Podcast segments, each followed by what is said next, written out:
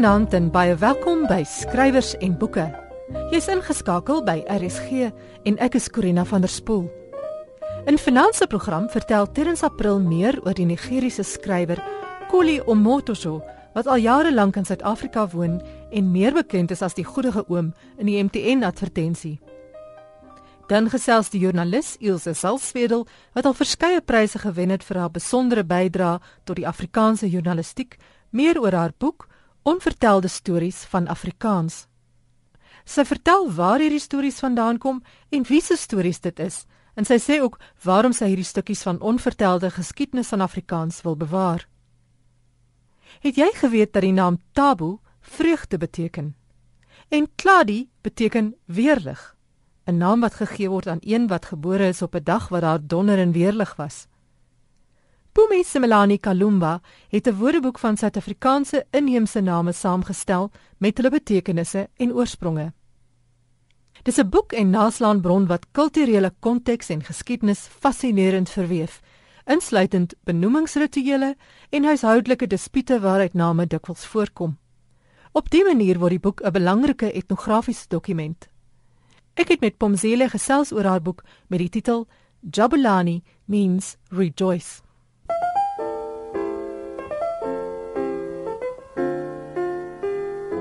Bly ingeskakel by skrywers en boeke.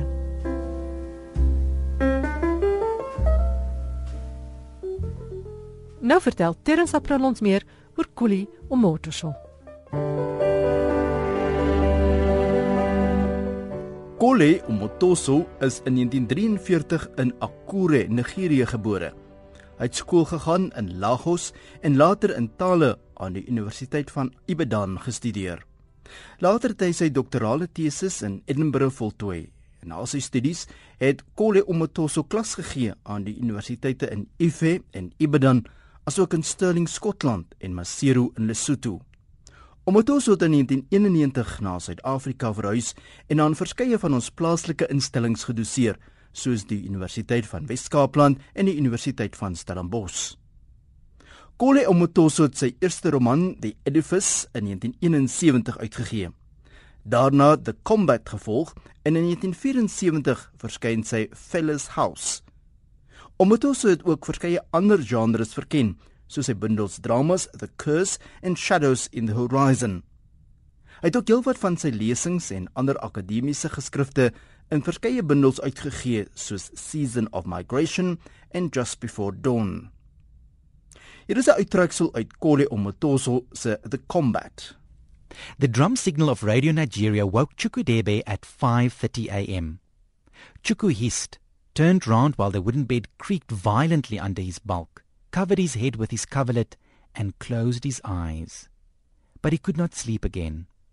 From the other room he heard his friend Ojodada get up and prepare to go to his place of work. Chuku got up. He lit the candle which was stuck into a hole at the head of the bed. Outside, the harmattan haze wrapped itself coyly around the half darkness. Chuku went out of his room, and with the toes of his right foot he began to feel his way to the ladder by which they usually climbed upstairs. His toes hit a pile of bricklayers' utensils, and he winced.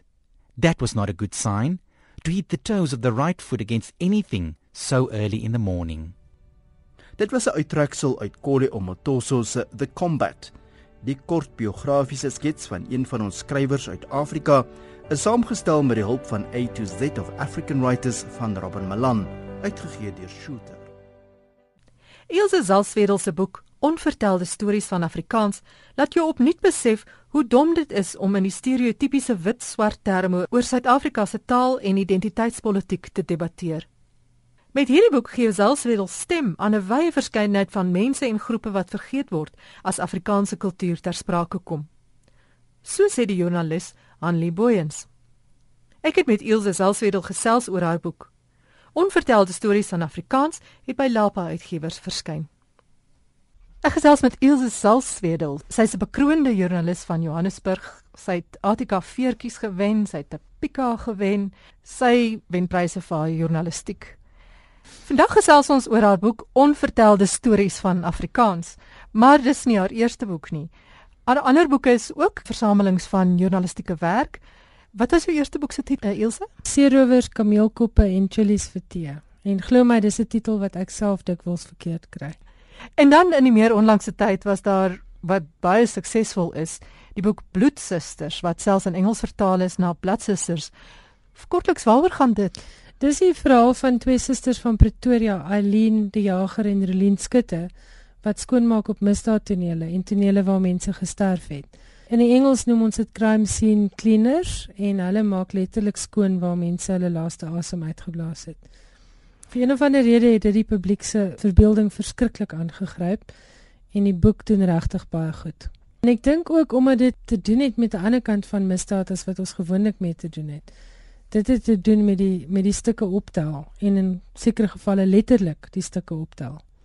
Die boek waaroor ons vandag praat, Onvertelde stories van Afrikaans, is van 'n heeltemal ander aard. Ilse, vertel bietjie hoe het hierdie boek ontstaan?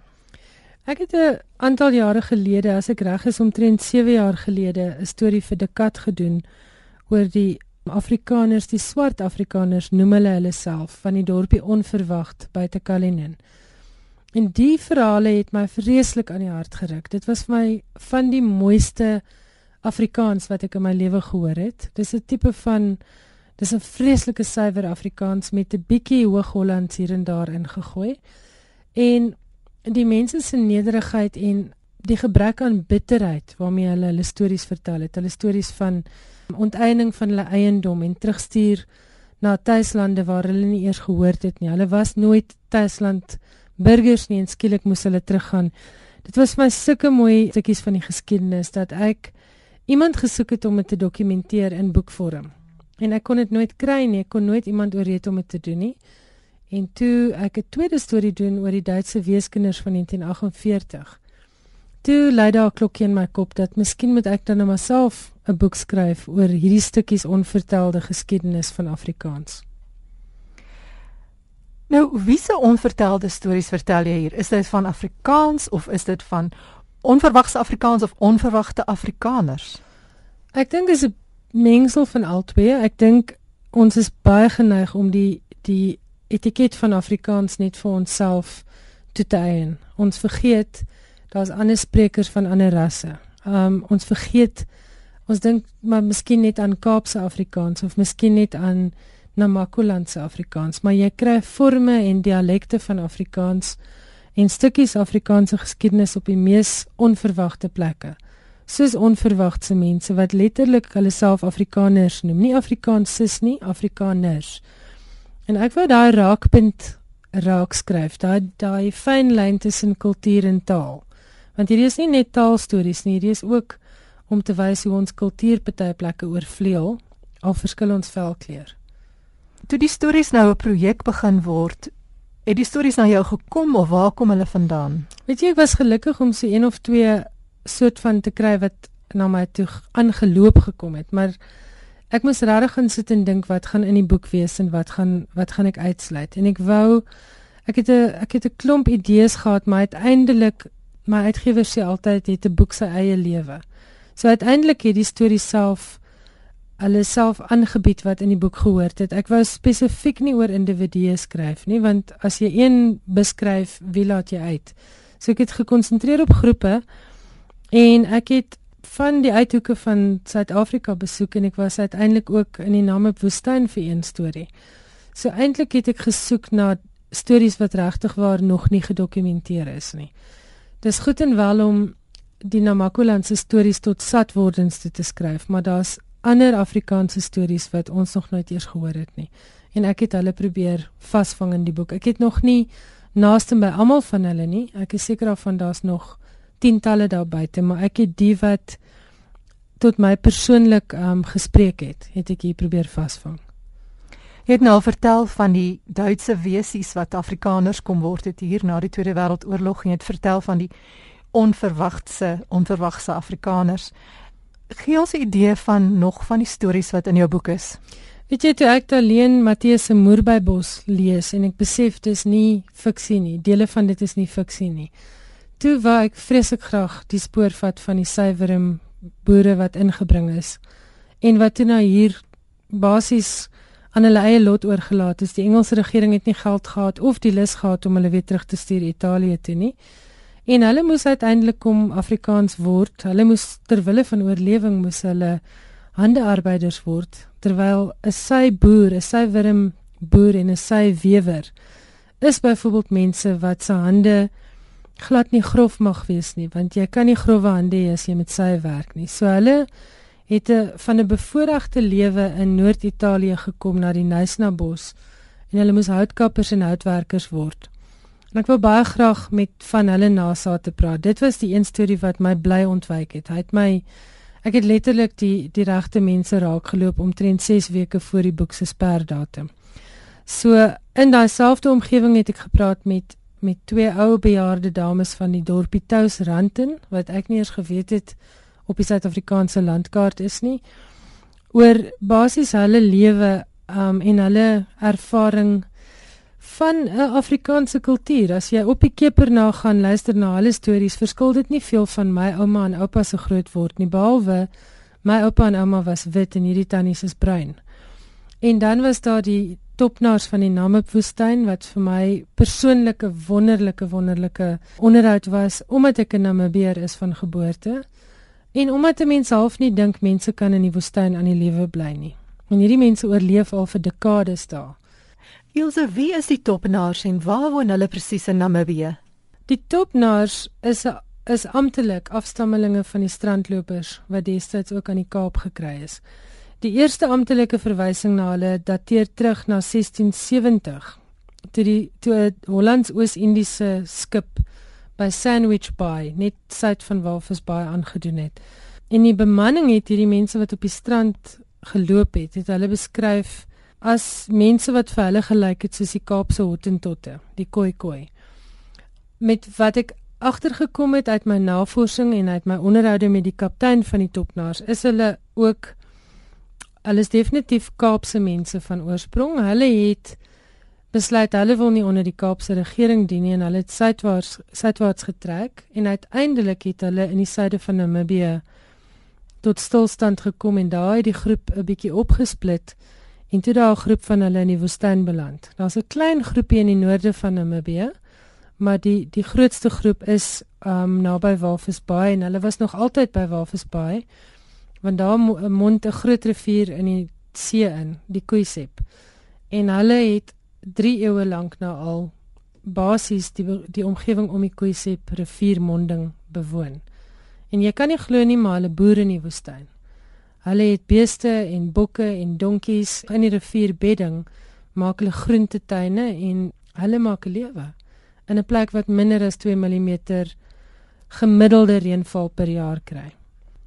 Maar hoekom topnaars? Waar waarna verwys dit? Volgens kenners is dit waarskynlik 'n vertaling van die tradisionele Nama naam Aunen. Ek weet nou nie of ek dit reg uitspreek nie wat ook na wat na die woord bo verwys. Met ander woorde, dis mense wat verhewe is bo bo ander stamme. Is die tradisionele ver, vertaling en ook die kaptein se verduideliking verduideliking vir my was dat hierdie mense was 'n klein bietjie beter en meer beskaafd as die ander inheemse stamme wat hulle daar aangetref het. So die top naar, die topdeel verwys na bo ander mense. Hulle hulle taal wat hulle aangeneem het, hulle inheemse taal is Nama. So hulle praat 'n dialek van Nama en dan het hulle baie vir Afrikaans weens die invloed van Luther se sendelinge wat ook nou maar daai gebied bedien het. Engels soos hulle dit stel is 'n inkomtaal. Engels het nou maar eintlik eers gekom saam met die um onafhanklikheidswording van Namibië. En hulle praat ook 'n baie suiwer vorm van Afrikaans, die van hulle wat wel Afrikaans praat. Nou se dae is daar 'n bietjie 'n verengelsing onder die breinmense van Namibië, maar daar's nog baie wat glad nie 'n woord Engels kan praat nie. Vertel van nog 'n paar besondere stories in jou boek. Dan is daar die storie van die reel wat vreeslik lekker was om te skryf. Dis 'n jolige affære. En daar is 'n paar ja, 'n paar minder bekende stories sou ek sê, is dan nou maar die Touseranten storie. En die Georgiese prins en die Boereoorlog is 'n storie wat ek in Georgië raak geloop het toe ek saam met die TLU afvaardiging Transvaalse Landbou Unie het 'n paar joernaliste geneem om te gaan kyk hoe vaar die nuwe Afrikaanse boere in Georgië. Toe loop ek daar 'n wonderlike storie raak van prins Nico Bagration wat in die Anglo-Boereoorlog aan die kant van die Afrikaners kom veg het vir demokrasie. En hy is dit die storie is in die boek en dan 'n storie oor die Boesmans van Namibië wat ook Afrikaans praat en ook grootliks ter wille van oorlewing, ter wille van werkgeleenthede. En dan die laaste storie is die storie van die Reobot gelofte. Die Busters by Reobot wat 'n dorpie net so 90 km van Windhoek is, het 'n gelofte soortgelyk aan ons gelofte wat by Bloedrivier afgelê is. Het 'n soortgelyke belofte afgelê, gelofte toe hulle in 'n oorlog met die Duitsers was. En dit was vir my interessant want hulle hulle kom nog steeds daai gelofte na. By ons het gelofte dag weggeval. Hierdie mense neem almal die die dag in Mei wat die gelofte opgevier word, neem hulle verlof en hulle reis van waar ook al hulle in Namibië is, Rehoboth toe en hulle gaan vier gelofte dag op 'n baie soortgelyke manier as wat gelofte dag in die Afrikaanse kultuur gevier is of sal ek sê in die wit kultuur gevier is. So vir my was dit wonderlik om al die raakpunte tussen mense raak te sien. Die die gemeene deler is Afrikaans, maar die velkleur um is nie noodwendig wit nie en dit was vir my die lekkerste van hierdie boek. Is dit min of meer die doel of die ideaal van jou boek wat jy wou tuisbring dat Afrikaans op onverwagse plekke gevind kan word? Ja, en dat dit nie net een groep se taal is nie dat niemand kopiereg het nie. Niemand het alleen reg nie. Dit is 'n taal wat ons almal aan help skep het. Dis 'n taal wat op verskillende maniere voortleef in verskillende monde. En as as ek regtig moet eerlik wees, het van hierdie mense wat ek in die boondes raak geloop het, baie mooier Afrikaans gepraat as wat ek elke dag om my hoor. Baie suiwerder, baie meer kleurvol, baie meer poëties. So vir my was dit regtig waar nogal 'n besonderse ervaring om om die Afrikaans uit hulle monde te kon hoor en te kon dokumenteer. Vir my was dit belangrik om te doen voordat hierdie mense doodgaan want baie van hierdie mense se geskiedenis bestaan net mondelings. Daar's niks op skrif nie. Daar's nie regtig iets wat dit dokumenteer nie. Hierdie boek is nie volledig nie, maar hierdie boek is 'n poging om ten minste erkenning te gee aan dit wat hulle vir die taal gedoen het. Reken jy jy sal nog 'n boek van onverwagse Afrikaans kan skryf? Ek dink daar's genoeg stories. Ek dink toe ek begin stories soek het, was mense nie heeltemal Ek dink nie mense het lekker verstaan wat se tipe stories ek soek nie. So ek het ek het vreeslik baie moontlikhede oor my tafel gekry, maar dit was nie bruikbaar nie want dit was of 'n bietjie polities of 'n bietjie ingekleer om persoonlike agendas te pas en so.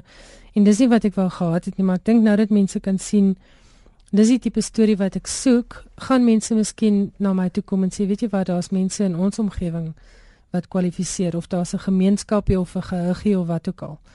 So hopelik, ek dit is 'n plan vir die verre toekoms. Die stories moet nou net eers verskyn. Ek gesels met Ilse Salzwetel. Sy het 'n boek van stories saamgestel oor onverwagse en onverwagte Afrikaans. Onvertelde stories van Afrikaans is die boek se naam en hy het verskyn by Lapa Uitgewers. Jabulani means rejoice is 'n ander soort woordeboek. Dis 'n woordeboek wat saamgestel is uit honderde Afrikaname uit die Suid-Afrikaanse inheemse tale. Die boek gee die oorsprong en betekenis van die name en sê ook uit watter inheemse taal dit voorkom. Dis 'n boek en naslaanbron waarin kulturele konteks en geskiedenis fascinerend verweef is. Die samesteller, Pumzile Similani Kalumba, het met my gesels oor waar die idee van die boek vandaan kom. I'm talking today with Pumzile Similani Kalumba, shortly known or in short known as Pumi.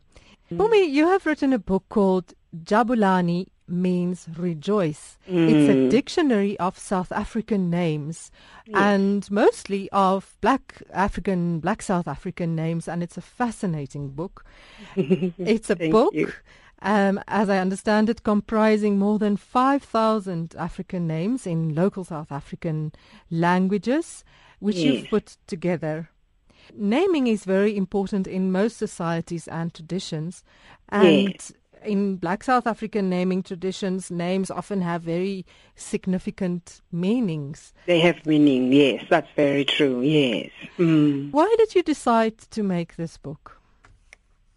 Oh, the, the, the history of the book goes a very long way. Um, it started as a, a family thing because uh, my husband would ask me the meaning of names. He is not a speaker of any of the South African languages. Right. So when we, we, we, we gave birth to our children, he wanted to know different South African names and, and their meanings as well. So it became the whole fascination, uh, considering the fact that by the time I'm giving birth, I'm outside South Africa.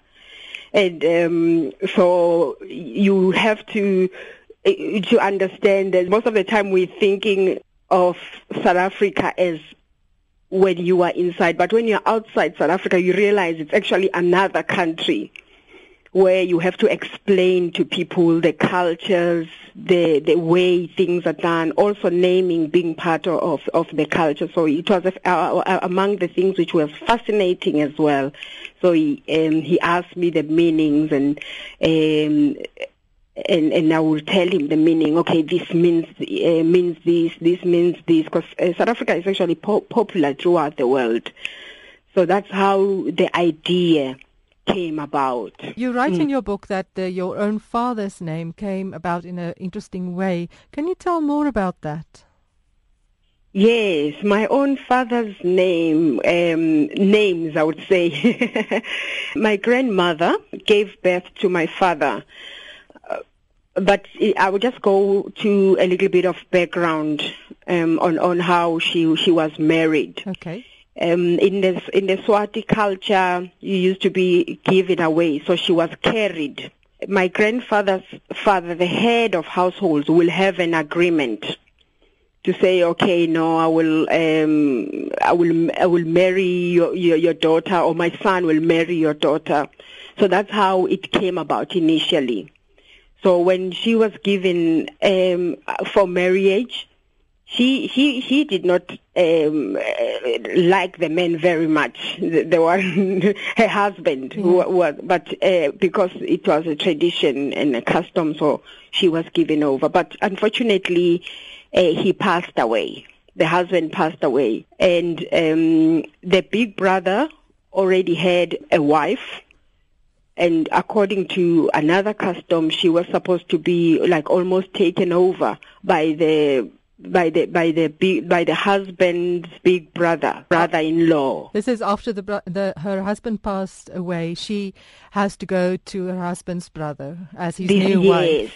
Yes, because now she's she once she belongs to the family, she must carry the family name. I see.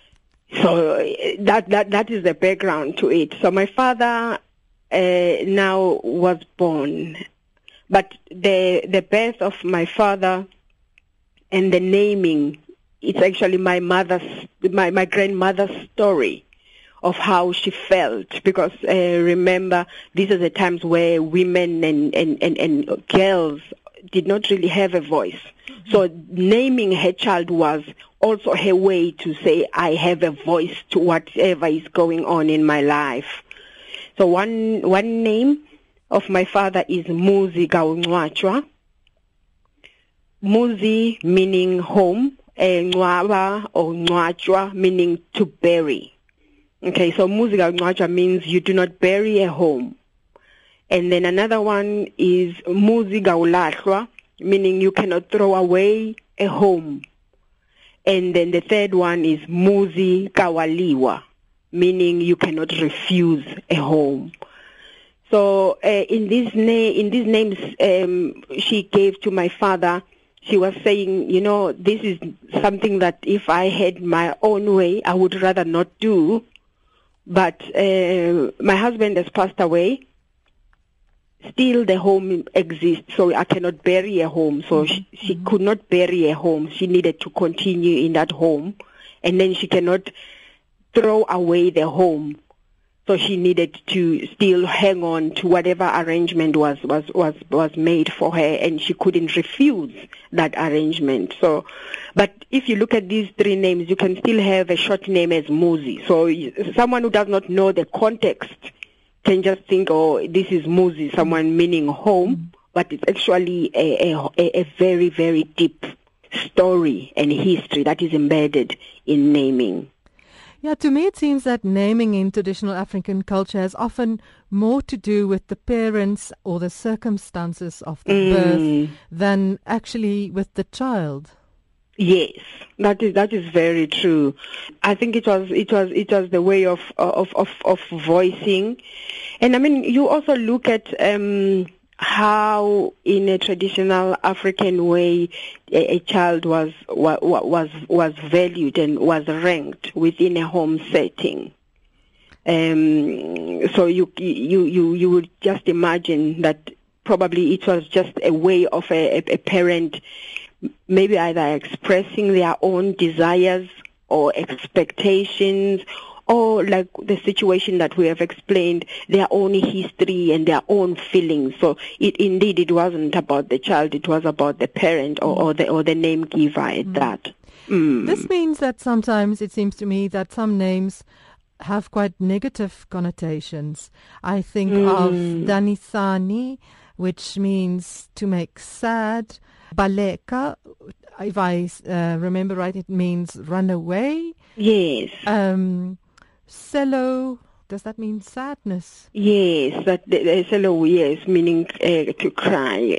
Hmm. Um, it, most of them, like I explained, it, it has to do with um, that kind of, of situation because like Baleka was um, also a situation that was surrounding that home and um, it, it can be a situation where, uh, uh, um, um, say, the mother of, of the baby needed to run away from a kind of a situation within a home. So the baby was born in that time, and it's a history also. It's negative, but it, it, it, it, it's history keeping. For Silo, it will be there is mourning or it's a cry and the child will maybe will be born soon after a death in the family and then they will name the child Silo, meaning the child was born during uh, maybe a grieving moment or during the death of a loved one in, in, in a way. So, so, so yes, it's a, it's a connected, it's a negative, but sometimes you want to go down and, and, and find out what, what, what exactly is going on, and why such a, is it maybe someone talking about the child or it's it's more than that and most of the time it's more than that mm.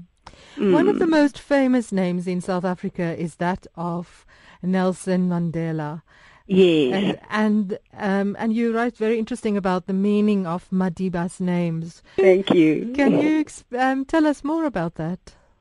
His his traditional uh, name is uh, Holy Holy. So I've written about this name because um, he also mentioned something in his biography about the name. Rolihlahla means um, pulling the branch. But uh, this branch that they're talking about is actually the branch uh, which used to be um, the the the gate of the cattle kraal. Uh, if you can just imagine that setting and, and, and the use of, of, of that gate. Because inside you have all this uh, cattle and then you have the kraal and within the neighborhood you have crops and, and fields and things like that and animals they used to be guarded in a way. That branch or that gate used to actually stop trouble in a sense that if um, you have collected the cow they must be closed in. If you leave the gate out or if you pull it aside, then you are causing trouble. Hence his name, this phrase, it's a phrase actually meaning Rolihlahla, pulling the branch. It means you are causing trouble by leaving the gate open. You are, you are causing trouble because the cattle can run out and endanger people's crops. Also, it had other meanings in terms of tradition, um, what will be done in the cattle kraal because most of the rituals will be performed in the cattle kraal and um, the, the ancestral beliefs and all those things were done right there. So if you you you you have maybe a bad luck or misfortune, fortune people will always refer to, to, to the branch, meaning you've done something wrong in the in the cattle kraal because that is where the, that's a place that was respected um, and honored as the place where the elders um, reside. So it, it, it is it is the, but now we just know it as a meaning troublemaker or someone who has gone through a lot of trouble. So that is that is the, the, the, the context or the underlying meaning. So it, it is a phrase. It's a phrase, Rolihlahla, because it's not just about pulling the branch, but it's about the trouble that happens when you open that cattle kraal or when you pull that branch, which used to to to, to close in the kraal. Yes, so in in some ways that became true in other ways, of course, in, in Nelson Mandela's life. yes, it did. It did in many ways. In your book, you write that you feel that Africans have lost their traditional names. Mm. Why do you think this has happened?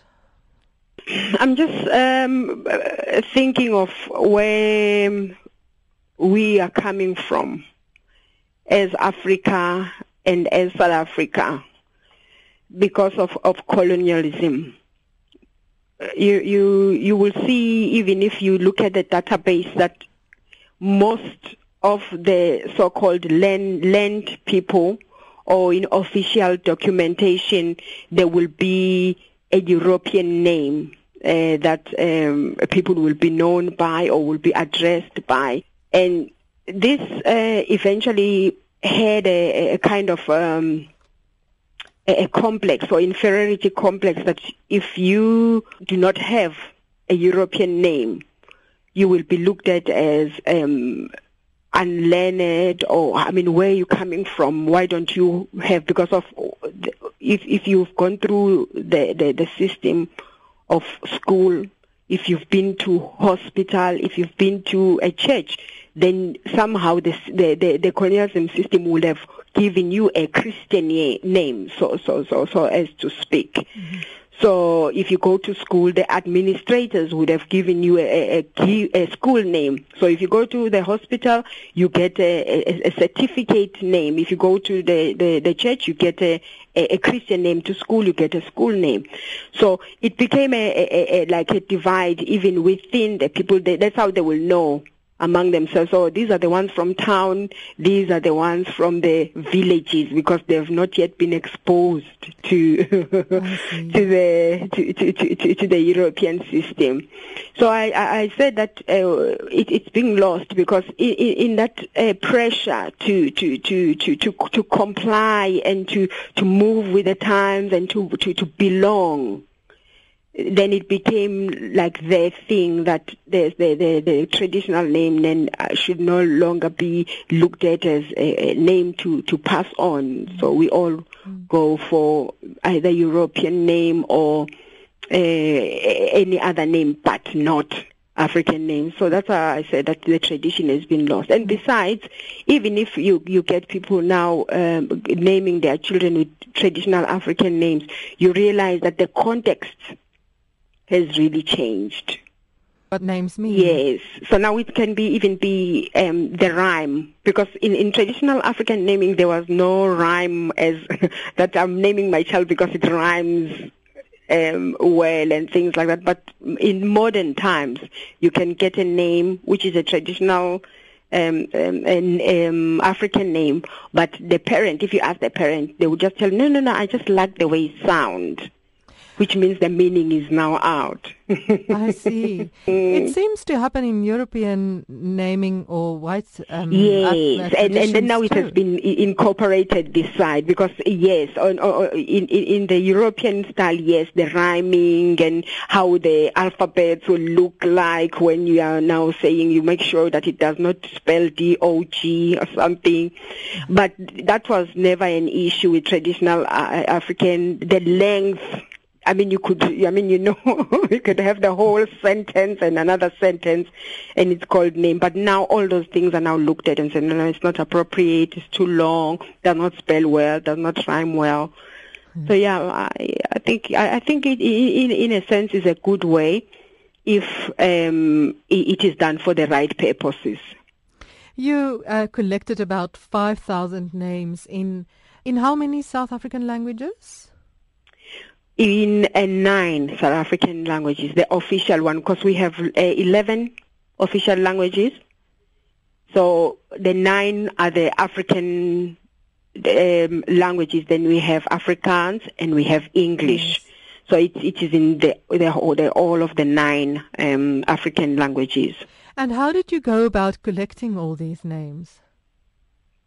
Collecting the names was not a, a very a big issue uh, because we have uh, South Africa was divided in terms of uh, provinces and also languages. So if you go to say schools in Eastern Cape and get a database for school, you you will easily get most probably 99% or 97% Xhosa names or if you go say to uh, KZN KwaZulu Natal, you're most likely to get higher percentages of uh, of Zulu names. So that's how I did it. Uh, it was like uh, then the database in in different pro- provinces yielded um, names in, in different languages.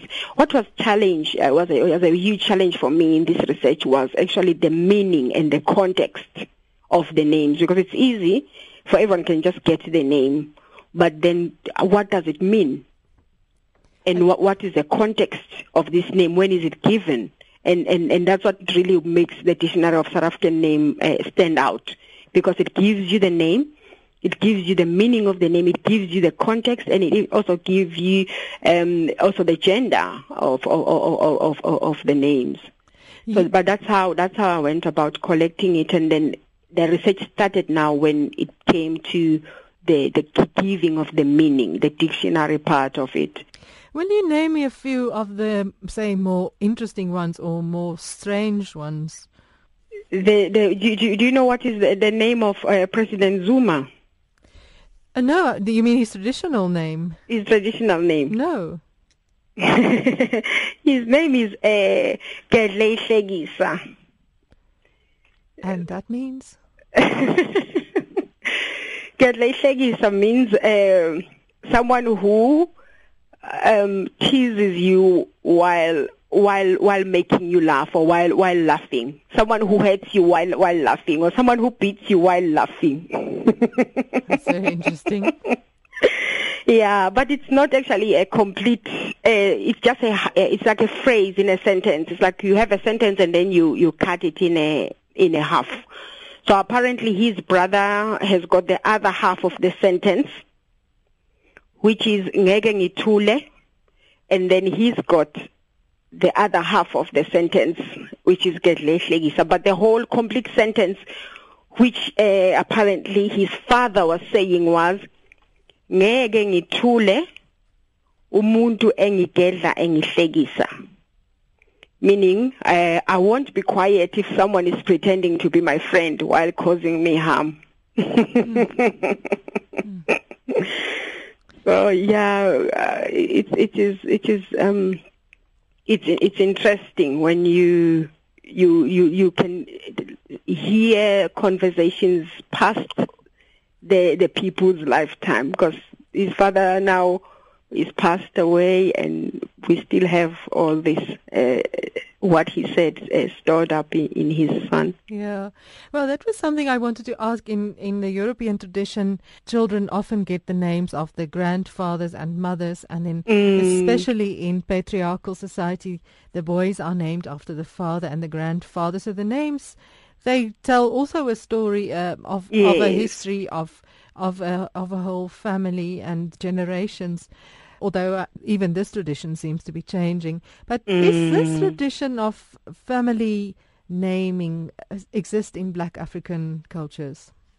Yeah, like we, we spoke earlier on that some of of, of the traditions or, or of the um, way that things have been done, European ways, they're now being taken in and being part of the African culture it wasn't really a, a culture as far as the first names were concerned. Uh, but as far as the surname is concerned, yes, the the, the, child will, will carry the, the father's surname and, and, and the whole family will, will carry that, that surname. It wasn't much of um, a tradition, I'll tell you why. especially among the Ngunis. It wasn't a tradition among the Ngunis because of um, the, the, the custom which is called a inhlonipho custom. If you have a father or a head of household, no one is allowed in the home to call him by name. So naming a child after him, you will actually work against that inhlonipho custom because it means that um, anyone can now shout out the name of the of the head of household out there in the street while they are calling the attention of a child, mm. and and it's not allowed. So I think um, that uh, custom, uh, respect custom or inhlonipho custom, is the one that really did not uh, encourage that, that, that, passing on the names as it is uh, among uh, the, the European traditions because you you couldn't. Even if you have words which have got syllables which has got the same syllables which are in the name of the head of household you will not use those syllables especially if you're a daughter-in-law. You must change you must create another language to to to just avoid calling um, calling that name at all. So it, no, no, no, it wasn't. But of course, some of those uh, traditions are dying out, which means that uh, certain things can now be can can now can can now happen. You make a plea in your book that people reclaim their traditional names. Can you explain that and why you think it important? I think um, um, the the plea I'm making for them to actually reclaim their traditional name goes beyond the issue of just the names. There are very many many beautiful things that I think they are being lost, despite the names which say the parent will be using to vent their negative emotions uh, through naming. There are names which are so beautiful uh, that you, you realize that the meaning, if a child knows that this is really the meaning, it can, it can help with their own value. If someone is named um, like Phumzile, and I get to know that my name was uh, called Phumzile because my mom wanted me so much and then when uh, she got she, she gave birth to me she rested. I think it also it, uh, tells me something about the, the the the relationship or the expectation. And in terms of my identity and also being wanted. Did did my mom really wanted wanted to to have me or you know? But through the name, I can tell that I can tell the atmosphere that surrounded that creep and and say, oh, so this is what this is what was going on, and um, there are also others where a parent will name a child with with expectation to to say you know what? We expecting you to to to to do well in life and and and and to to to you have to accomplish something.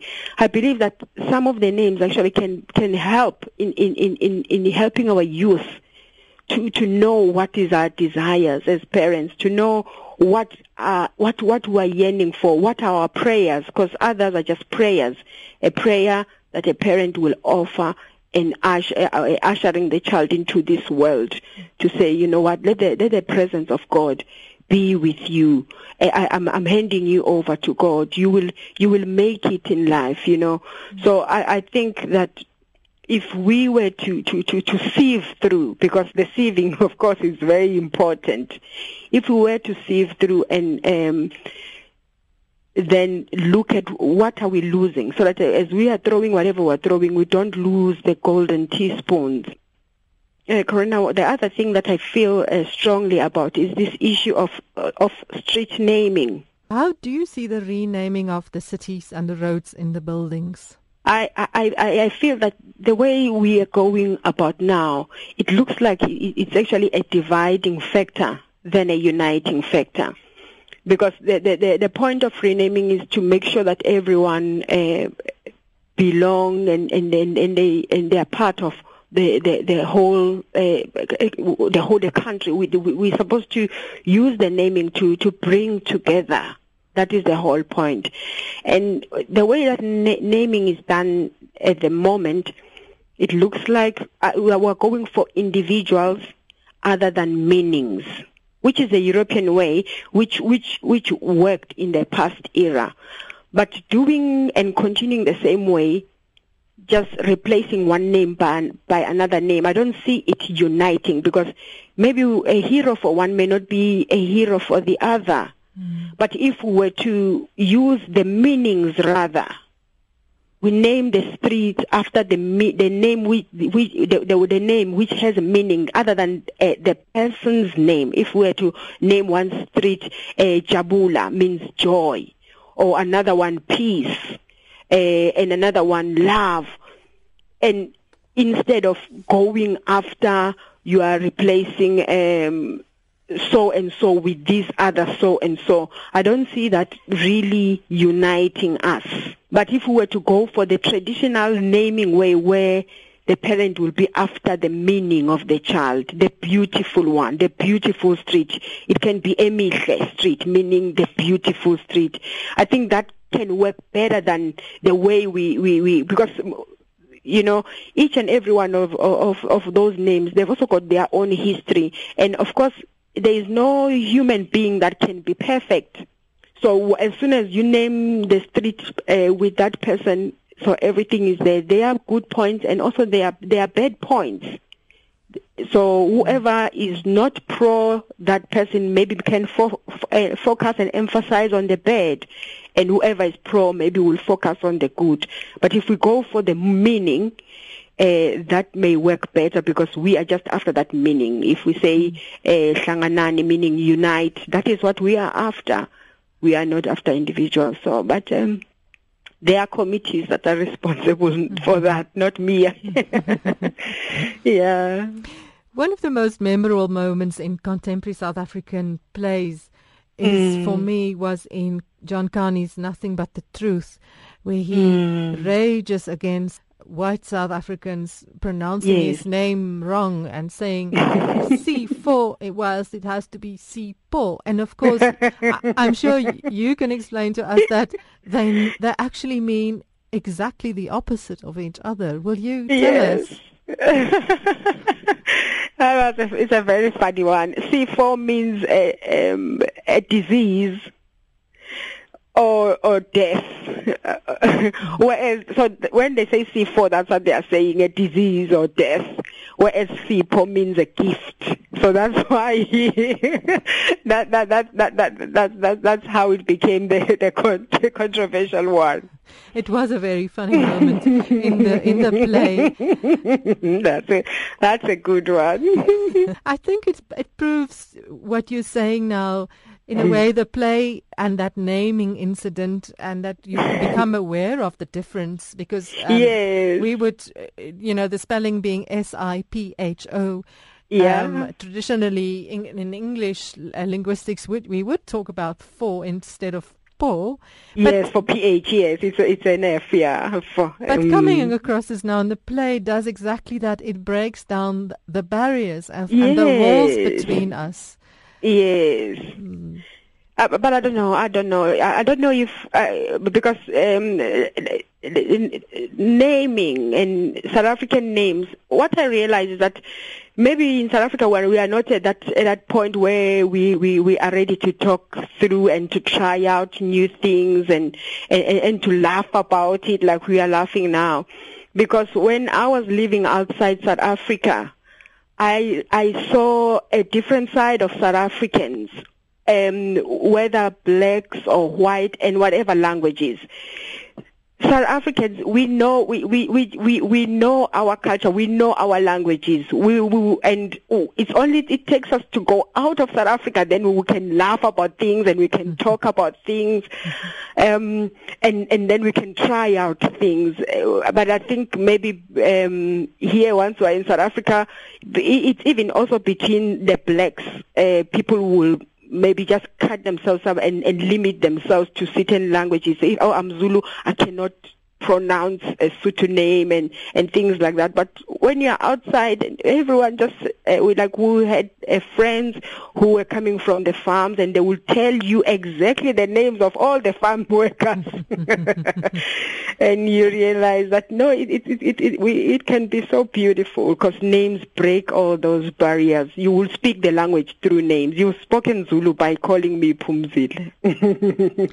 we were talking okay. about Phumi Simelani Kalumba's wonderful and unique dictionary called Jabulani means rejoice, which is a dictionary comprising literally thousands of African names with their meanings also what gender that name is, male or female, and from which South African language it comes.